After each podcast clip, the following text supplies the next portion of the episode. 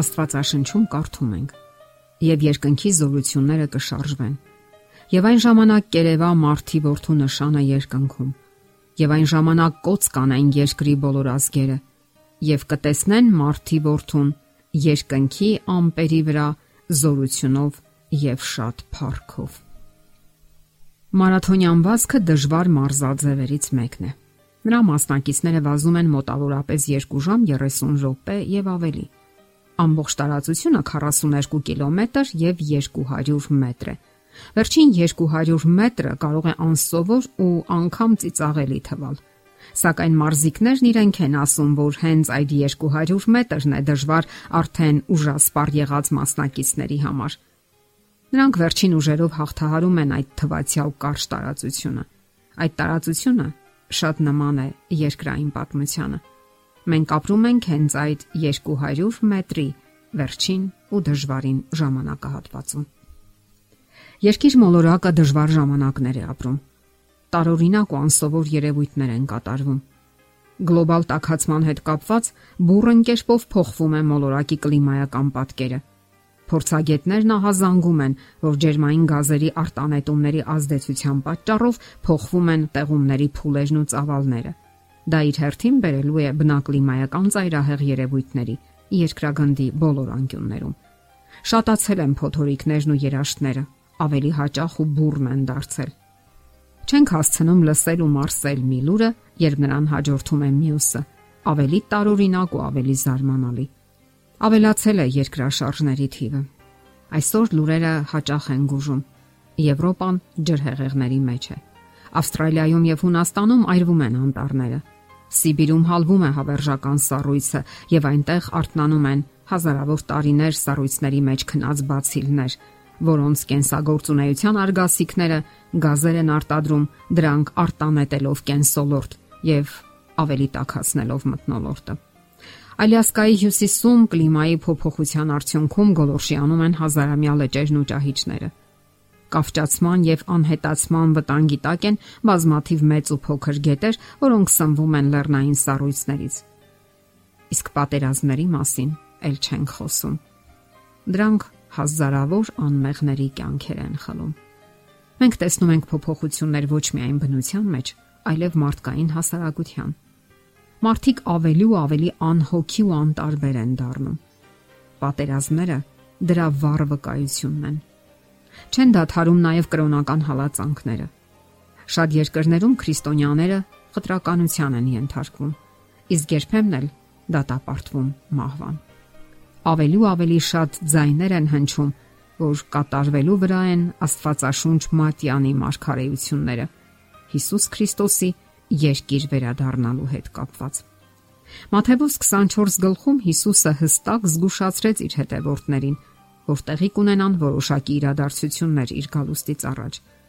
Դրանցից շատերը տեղի են ունեցել, իսկ որոշներն էլ ընթացքի մեջ են։ Գիտնականները հայտարարում են. այսօր մենք տեսնում ենք, որ անցյալի մեր կանխատեսումները չափազանց լավատեսական էին, քանի որ ներկայի իրադարձությունները առավել ճակատագրական են։ Գիտական այս հորետեսական հայացքներին միանում են նաև հոգևոր դաշտի հիմնախնդիրները։ Դրանց մասին նույնպես ժամանակին զգուշացնում էր Հիսուսը։ Իմ անունի համար ամեն ազգերից ատված կլինեք եւ շատ սուտ մարգարեներ դուրս կգան եւ շատերին կմոլորեցնեն եւ այն ժամանակ կգա վերջը։ Այսօր իսկապես շատ սուտ մարգարեներ են դուրս եկել, ովքեր մոլորեցնում են մարդկանց։ Աստվածաշնչյան անաղարտ ուսմունքը ճիշտ չի մատուցվում մարդկանց։ Մոլորություններն աճում են զարմանալի արագությամբ Մարդիկ ավելի շատ ընդունում են կրոնական կառույցները եւ դրանց ղեկավարներին, քան Քրիստոսին, խաղաղության ու հեզության, եղբայրության ու սիրո կոչով։ Այսօր մարդիկ ավելի ու ավելի են հեռանում միմյանցից սերը սարչելու պատճառով։ Ահա թե ինչու այդ մոլորություններին չտրվելու համար կարևոր է անznական փոխհարաբերություններ Աստծո հետ։ Ավելի ու ավելի են կարևորվում Պողոս Առաքյալի հուսադրող խոսքերը որովհետև գիտենք մեր Տեր Հիսուս Քրիստոսի շնորհը, որ ձեզ համար աղքատացավ։ Նա որ հարուստ էր, որ դուք նրա աղքատությունով հարստանաք։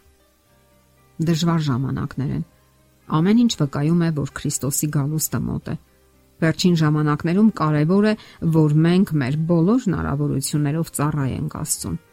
Իսկ հոգևոր անտարբերության մեջ մենք չենք կարող դրսևորել մեր բոլոր հոգևոր ունակությունները։ Ահա թե ինչու կարևոր է արթնանալ հոգևոր թմբիրից, որովհետև ոչ ոք չգիտի, թե երբ կլինի Քրիստոսի գալուստը։ Իսկ եթե նա գա հենց այսօր, պատրաստ ենք արդյոք նրա հետ հանդիպմանը։ Պատրաստ ենք ներում խնդրել մեր բոլոր սխալների ու մեղքերի համար։ Ունենք չլուծված հարցեր, հին ու նոր վիրավորանքներ մարդկանց հետ։ Վերջին